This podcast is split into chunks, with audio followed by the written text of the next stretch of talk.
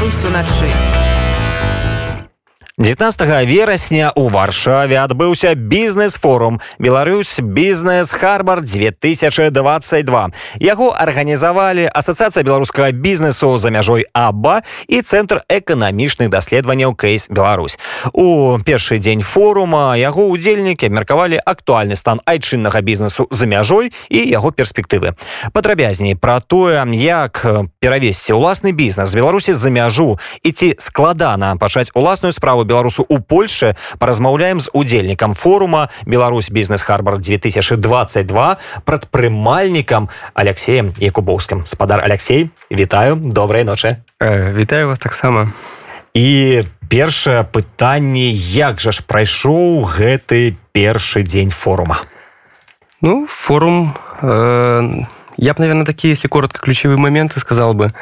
Очень хорошо что было много людей разных приглашено туда Очень был интересный нетворкинг, э, знакомства интересные.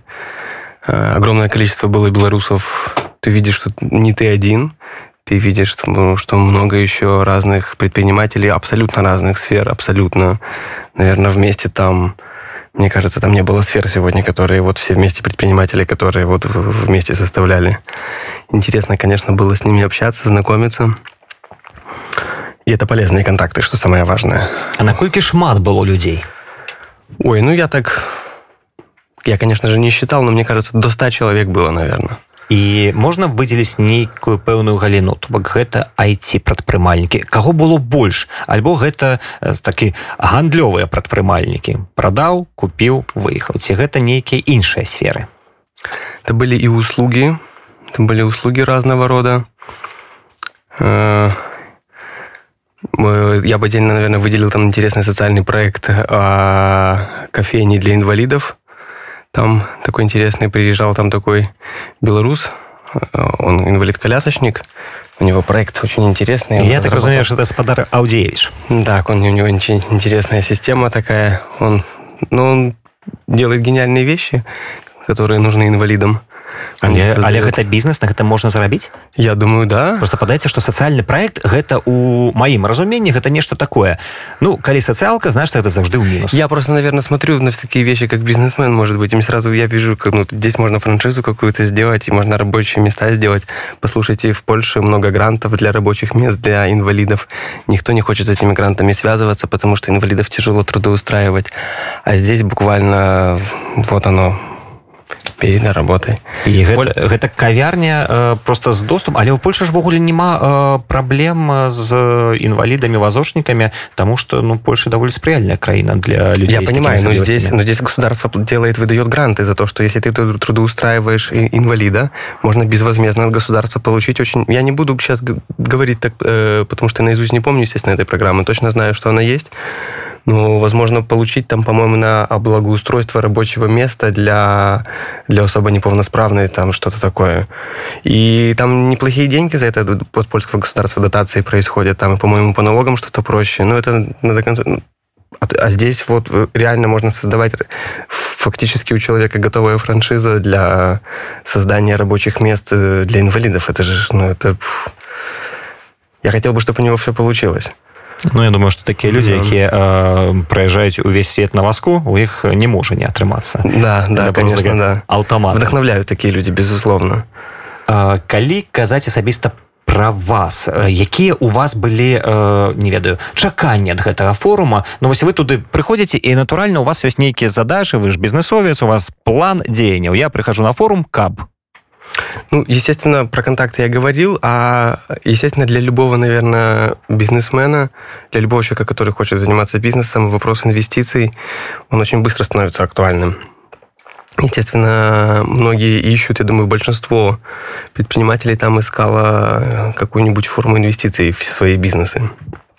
Это было интересно практически всем, потому что ты когда приезжаешь сюда и открываешь здесь бизнес – ну, у тебя нет резидентства, допустим, как у большинства, да, все приезжают, многие по визам еще открывают, у многих даже еще временного вида на жительство нету.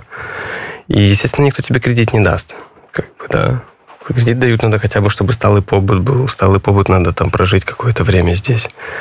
Это тяжело здесь. Э, Но, опять же, здесь очень здорово, что вот такие вот нетворкинги происходят, обмен контактами.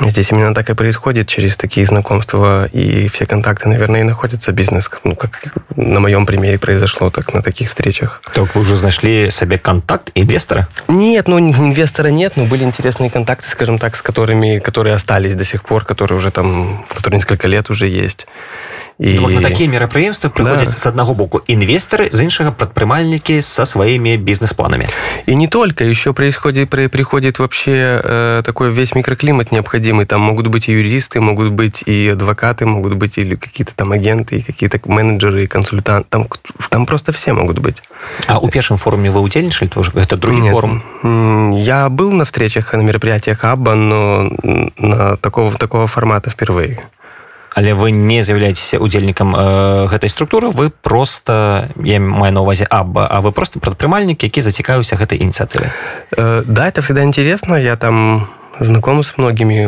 участниками, которые там есть. Там, естественно, обсуждаются проблемы, интересующие, э, которые интересуют бизнес, который переехал. У всех же проблема. Вот ты приехал, а что делать? А какая форма собственности? Первый вопрос. Этот вопрос, который уже, естественно, там многие прошли. А, а дальше, а как здесь работать? Здесь специфика бизнеса во многом другая. Здесь свобод больше. Здесь государство не мешает работать. Это И людям хорошо. складана, э, разумеешь, что свободу больше да. працаваць у таких умовах? Наоборот, это нейкі мінус а беларусу наверное мне кажется что беларусу по умолчанию тяжело э, в такое э, когда ты попадаешь в такую в, в среду свободы и тяжело понять что ты в среде свободной. Все можешь уже делать двигаться и не ведаешь, свободно. что робить. да и ты не знаешь что делать. У нас у нас же все по-другому у нас все нельзя. Здесь тендера допустим мы участвовали в системе тендеров я могу с большой уверенностью сказать, что в Беларуси честных тендеров не существует и никогда не было. А здесь взяли, поучаствовали в тендере и выиграли. Там небольшой, но все-таки. И все было прозрачно и по-честному, и как-то так. И никому за это платить не надо было. Вельмі дзіўна ну дзіна оказывается калі нормально то гэта ненармальна А калі казаць таксама про вас э, у вас быў уласны бізнес у беларусе правильно так, вы можете про яго распавесці что гэта было чым вы займаліся ой ну у меня такой проект есть э, э, автоматизации производства металлоконструкций. Учить Мы страшно. писали. Ну, это, это система, это такой САПР или КАТ-система по-английскому. Такая. Вы инженер? А, я программист. Программист. В Багуире учился информационной технологии и управления, ИТУЦ специальность. Не на КСИСе? Не, ИТУЦ. А, добра і вы нешта вы гэта ваша распрацоўка да да это такой авторский проект был мой у меня просто я скажем так у меня круг знакомств сложился такой что они владельцы так, было одного рода предприятий а программного обеспечения никакого толком нету. Все пытались найти решение, а ничего нету. Я подумал, можно что-то свое, наверное, сделать. И начался такой тяжелый труд разработки многолетний. А наколькі это шмат гадоў займае Таму что у э, разумения обывателя ну что там гэты праграміст ну что посидели уначы написали три года три года мы работали не заработая вот первый от э, начали работать до заработали первый доллар прошло три года А на што вы жылі гэтыя тры гады? Былі ну былі другія істочнікі фінансіравання, былі былі інвестары. І у вас была нейкая каманда ці як гэта выглядала? Э, да да былі праграмісты. І вось у вас каманда праграмістаў, якія тры гады працуюць у нуль. А... Як заахвоціць таких людзей што ім трэба казаць каб у іх з'яўлялася так матывацыя працаваць многія былі многія ну энтузіасны былі многія естественно, среди студентов э, все это начиналось. Ясно, як завжди дзіцяшы труд. Да, да, да. Но в итоге это вышло в что-то профессиональное. Мы потом очень много э, раз реализовали программный продукт, в который никто не верил. Нас... Группа з якой колькасці людей это была? Ну, скажем так, мы э, около сотни было клиентов было у нас это ну в основном была это Российская Федерация это была. клиенты а распрацоўвалі гэтае забеспячэнне программы в Бресте в Бресте мы сидели физически. Але вы гэта колькі? Колькі вас было чалавек які распрацоўшчыкаў менавіта? Э, Ну, скажем так, у нас э, штат менялся, но 2-3 человека в среднем было всегда, если, если брать программистов конкретно. Угу. И вот... Был маленький штат, и потих, ну, потихонечку писали. Инвестор, потому что в Беларуси найти финансирование практически невозможно на адэкватнае фінансирование Ну але ж паколькі вы займаетесь такой спецыфікай вам можна ж знайсці замежных інвестараў ці гэта небяспечна для замежных інвестараў э, мець бізнес Беларусі я тогда еще наверное не было тогда были года хорошие я тогда еще, еще про какие годы идет оговорка? Еще до 14 года, я бы сказал так. Вот до 14 года было, ну как, оно, оно же было все хорошо. Ты сидишь, приходишь на работу, тебя регулярно покупают э, твое программное обеспечение, ты, ну, ты просто копии продаешь. Все же хорошо. Ты думаешь, а потом где-нибудь там, потом будешь все, а потом громко грянет, как грянул, как говорится. А, ну, я был не готов к 2014 году, честно скажу. В 2014 году там, Россия там, с Крымом сделала ситуацию. Как на, по мне, так на бизнесе это отразилось так, что фактически просто клиентура исчезла. Они просто перед российский... Э, а бизнес был российско-ориентированный у нас. Как бы у нас 90, там, наверное, процентов клиентов было из России. И, естественно... Расейцы не могли сами распрацаваць э, подобное забеспячэнне? Я как немножко... Нет, они не, не могли. Я думаю, что... Ну, в России, естественно, есть таланты там, как бы, но, ну, в принципе, как бы... Але беларускія таленты больш таленавітыя? Я думаю, да, все-таки. І ў які момант вы у вас ёсць бізнес вы э, распрацоўшчык у вас ёсць каманда але вы вырашылі пераехаць у варшаву что послужило штуршком варшава это наверное просто потому что ближайший ближайший такая цивилизованный большой город а, от Бреста, что ли, так? Ну, это просто хиба самая ближайшая столица на вот от Да, да, да. Даже ближе Минска, кстати. Да. Але э, вы просто вырашылі паехаць бо каб змяніць лакацыю ці ўсё ж таки э, сітуацыю беларусі зараз неспрыяльная для развіцця бізнесу вось як это выглядала я бы сказал так в беларуси наверное если ты обладаешь про украинских взглядов но тебе будет очень тяжело там вообще находиться. В принципе, не то, что вести бизнес, мне кажется. Настолько все зараз затискаюць з усіх боков? Ой, так, я покинул Беларусь еще далеко за до, до событий, которые случились у нас в августе, да. В каким годе вы покинули Беларусь? Ой, слушайте, ну я уже, наверное, уже вот пять лет я уже не был в Беларуси. Три года из них я в Варшаве, я еще был в Украине. Я еще два года во Львове прожил. Ну, не два, там полтора где-то.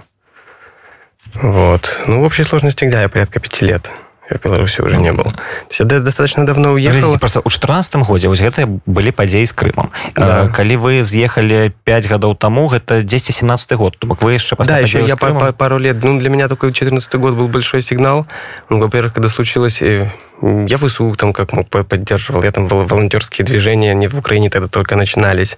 Тогда, в принципе, их армия, простите, была там госая голая, голая, да? У них же ничего не было там от носков до... Все до, на до правом секторе ничего, ни, ничего не было, фактически, это была правда. Это сейчас у них все хорошо, как бы, они уже оснащены как там по последнему слову. А, как, а тогда не было ничего.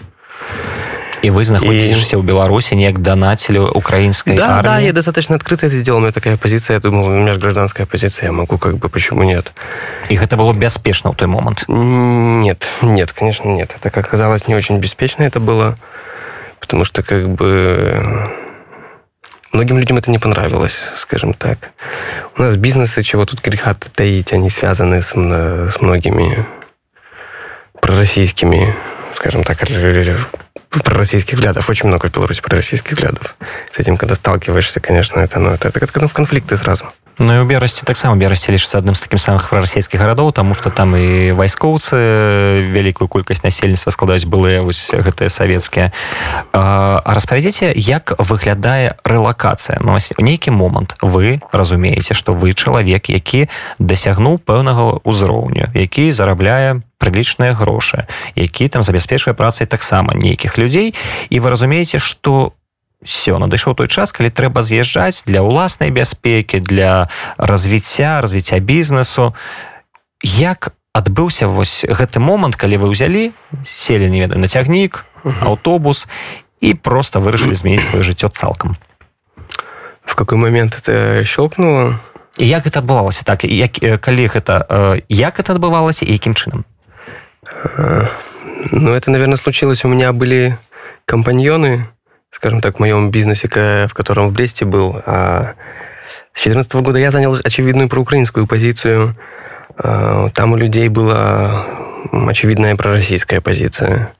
Ну, вы у одной э, организации працавали и да, да, у я вас автор, подел я, автор, и... я автор проекта как бы там э, вот был вопрос у вас э, финансирования где брались там как бы вот оно было финансирование небольшое от э, других людей ну, ну где за, за... российские инвестиции у вашего Нет, это были это это были инвестиции скажем так э, местных но но таких которые там работают со структурами с нашими беларускімі честно связаны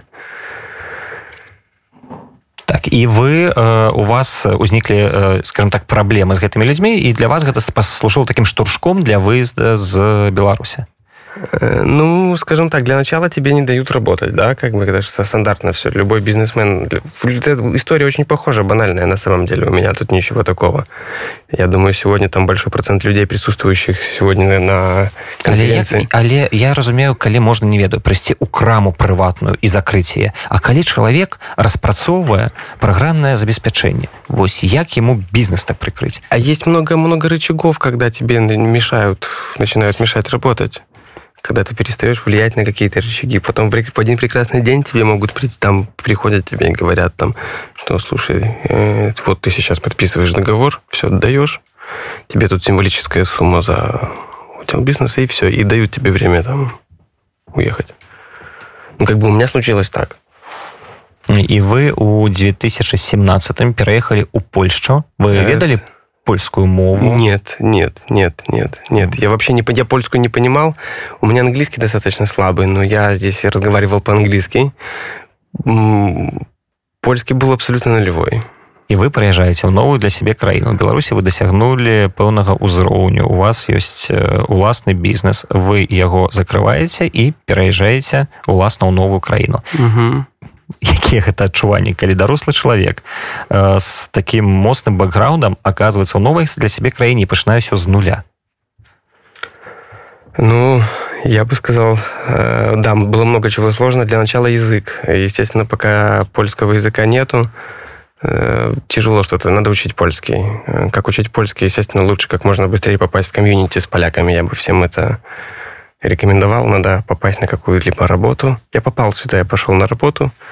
Я такой, но вы все ж таки программістам вы все ж таки праграмісты да, да, праграміст я... валодае ангельскай то нават на пасрэдам узроўні гэта хапае И так, так и случилось. Я попал в польский коллектив. Мне, в принципе, достаточно было пару месяцев. И я сначала думал, я уже не заговорю по-польски, это тяжело. А в один прекрасный момент я уже понимаю, что я не просто понимаю польский, я, наверное, могу заговорить, и потом взял и заговорил как-то. И как-то польский легко нам дается, белорусам, мне кажется, очень легко. Ну, мы же ведаем белорусскую, поколькі вы збераце mm. вышэй украінскую павінны добра разумець і так, гэтае спалучэнне в мене ще вільна українська мова а можа по-беларуску тады паразмаўляем можем по-беларуску но не, на, думаю, на, думаю на, все равно я на русском не, на, на якое больш да. зручна тады э, паколькі вы 5 гадоў уже знаходзіце ў Польше Я думаю вы можете спакойна параўнаць узровень э, бюракраты у Польшчы для чалавека які хоча пачаць э, бізнес і ў Беларусі як гэта адрозніваецца дзе больш складана дзе все ж таки чыноўнікі робяць такія перагароды для распачацця уласнай справы? Ну, если говорить бюрократия, мне кажется, все-таки бюрократия я всегда думал, что в Белор... больше, чем в Беларуси, бюрократии нет нигде. Но по приезду в Польшу я увидел, что как бы здесь еще больше. Но здесь при этом есть огромные плюсы. Здесь э, много вещей в электронном виде. Здесь, простите, можно фирму организовать, не выходя из дома. Можно просто сидя за компьютером это сделать. Да, здесь... Мне же это доведка из БТИ, э, подпись, что там треба собрать? Там целый Нет, просто электронная подпись. Если у тебя есть электронная подпись, а ее как бы обычно все делают то ты можешь такие вещи, как создание фирмы, там, распределение там, долей, труду, там очень огромное количество вещей. Здесь, здесь можно вообще, в принципе, не выходя из дома, сделать то, и за что у нас надо. Вот в Беларуси ты э, должен в статистику ходить, там ты должен там в облсполком ходить, в налоговый должен ходить. А у Польши куда треба ходить? А никуда не надо ходить, все электронно. А як же ж контролирующие органы, якія павінны... За два года не видел никого ни разу. Гэта таму что давер ці разгільдзяйства Чаму давяраюць? Можа вы нелегальным бізнесам займаетесь вы кажаце что вы робіце праграмнае забеспячэнне а на самой справе вас там шпіёнскія праграмы. Не знаю мы как бы ну, у нас есть у нас в принципе проекты как бы достаточно открытые Але калі іх ніхто не правярае адкуль польскія улады кантралюючыя органы могуць ведаць что яны у вас э, абсолютно без я не знаю мне кажется здесь проверки приходят не потому что надо трясти бизнес потому что вот просто потому что есть проверяющие органы мне кажется здесь проверки будут приходить только если ты будешь явно законы нарушать мне кажется здесь так проверки работают а если ты работаешь честно то никто тебя здесь трогать не будет А Як працуюць у беларусе падобныя органы кантралюючыя? Там як праверкі адбываюцца? Просто падаецца што ва ўмовах цяперашняй беларусі калі за краты можа патрапіць нават бізнесмен узроўню чыжа ну кожны можа адчуваць себе небяспеч у небяспецы. Ці так гэта ці не? Я думаю, да. Я думаю, сейчас э, за то время, как меня не, нет уже в Беларуси, Я думаю, еще стало хуже. Я думаю, да, теперь вообще никому не безопасно, я думаю, в Беларуси. Але як себе мотивуюць люди, якія знаходзяцца ў Беларусі пачынаць нейкую уласную справу на что яны спадзяюцца мне тяжело ответить на этот вопрос потому что я когда для себя решил что в Беларуси бизнесом я заниматься больше никогда не буду Или у вас, ну, по крайней мере, при, при, при, при власти, при власти, которая сегодня существует, как бы э, точно никакого бизнеса быть не может. Как бы, естественно, мы все надеемся, что когда-нибудь случится момент, и мы сможем заниматься там бизнесом в своем родном крае. Ну, нам для этого нужны честные суды, а до этого еще очень далеко. Ну просто нават калі казаць цяпер пра Польшу. У Польшы даволі складана беларусам нават э, рахункі э, адкрываць у банках паколькі многія банкі лічаць э, і што беларусы гэта саўдзельнікі расійскай агрэсіі таксама краіна саакупант і адпаведна э, шмат кейсаў калі беларусам просто не адкрываюць э, банкаўскія рахункі як у такіх умовах можна весці бізнес у Польшчы Я бы для начала посоветовал бы, если такое случается, слушайте, есть целая куча белорусских фондов э, благотворительных. Э, можно многим из них можно такие вещи просто говорить, что произошло ну, такой факт. Они обычно занимаются этим здесь, потому что, ну, давайте так, на официальном уровне в Польше это не приветствуется, да? Э, к сожалению, так, такие случаи имеют место быть в наше время. Я тоже слышал такие уже, у меня знакомые есть, которым отказывали там у меня такого ничего нету. Ну, я, наверное, потому что приехал давно, да. Но я насколько я надеюсь, что это, это не будет иметь массового распространения, и это будет легко пресекаться. Ну вось вы бы напрыклад параілі асобам якія зараз знаходзяцца ў беларусі маладым перспектыўным прадпрымальнікам выехаць за межы беларусі ці наадварот заставацца ўнутры краіны і спрабаваць неяк змяніць там сітуацыю як больш правільна на вашу думку суб'ектыўна Ну, если давайте так, если, ну, если это спрашивать э, с точки зрения бизнеса, да, надо отбрасывать эмоции, надо взвешивать все простыми рисками, там, простыми цифрами, да. Если говорить о благоприятности бизнеса, то, естественно, надо вы э, на сегодняшний день в Польше намного благоприятнее это делать. Естественно, в Польше можно намного быстрее развиться. Естественно, в Польше никто тебе не будет мешать работать. Здесь э, нормальные суды, здесь, честно, здесь много чего того, что, чего не было у нас никогда.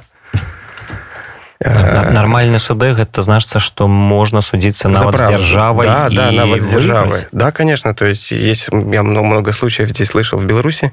У меня были у меня были суды с, с фсзном э, в которых я был прав но ну, суд выиграть невозможно. И там, судья тебе может стать на, в суде и сказать, там, не заберешь заявление, там, к тебе завтра придут такие проверки, ты их не выдержишь. И прямо в суде, при моем адвокате он это говорил. Судья мне говорит, я иск подаю.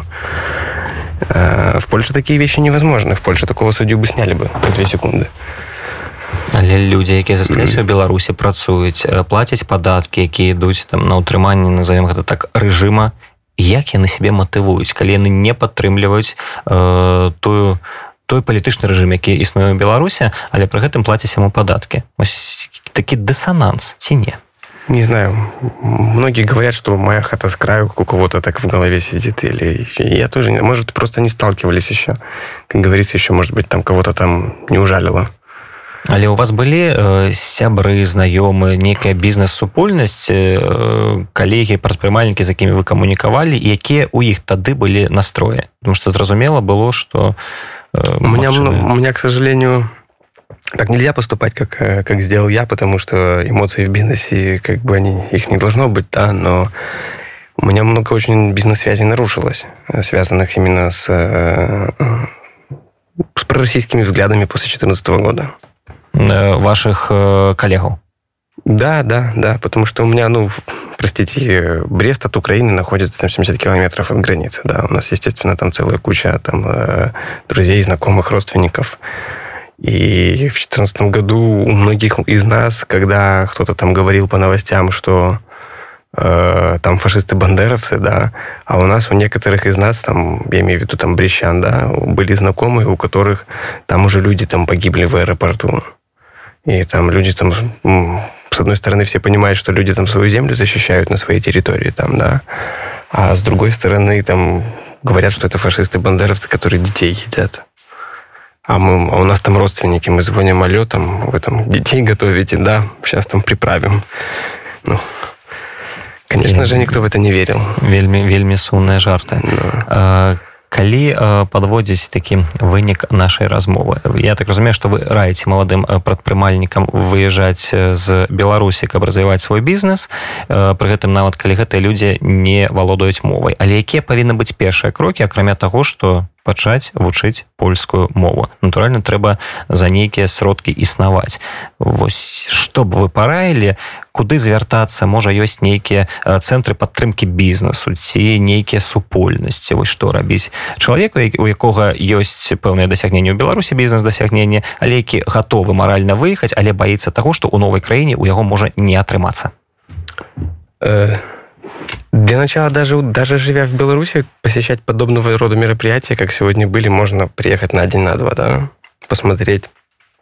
Тут до границы, простите. Ну, теперь есть некоторые проблемы с выездом. Ну, к сожалению, да. Ну, давайте так, не проблемы с выездом не будем рассматривать. Вот мы приехали. Э, естественно, можно посещать такие вещи. Э, Еще бы, я обязательно бы посоветовал бы хорошего бухгалтера. Здесь есть э, огромное количество, есть так называемых э, таких контор, которые э, бухгалтерское обслуживание сделают. Есть очень, здесь есть мелкие, а есть очень даже хорошие школы бухгалтерские, которые там, в том числе бухгалтерское обслуживание фирмы делают. Э, есть даже есть очень огромная куча наших бухгалтеров, которые сюда приехали 20 лет назад, 10 лет назад. И если у тебя проблемы с языком, здесь найти нашего русскоязычного бухгалтера, там, или там украинца, или белоруса, никаких проблем вообще не будет здесь. Здесь легко. А он уже тебя на своем на твоем языке расскажет тебе, как что надо, сходит с тобой за ручку. Было бы желание. Ну, естественно, по приезду будешь сталкиваться с большим количеством трудностей, но дорогу осилит идущий. На гэтай пазітыўнай ноце мы заканчиваем наш эфир нашу размоўную частку эфира я нагадаю что сёння гостцем радыо унет быў удзельнік форума Беларусь бізнес харбар 2022 прадпрымальнік Алексей якубоўскі. Алексей Дякую вам яшчэ раз. Дякую вам таксама. Жыве Беларусь уначы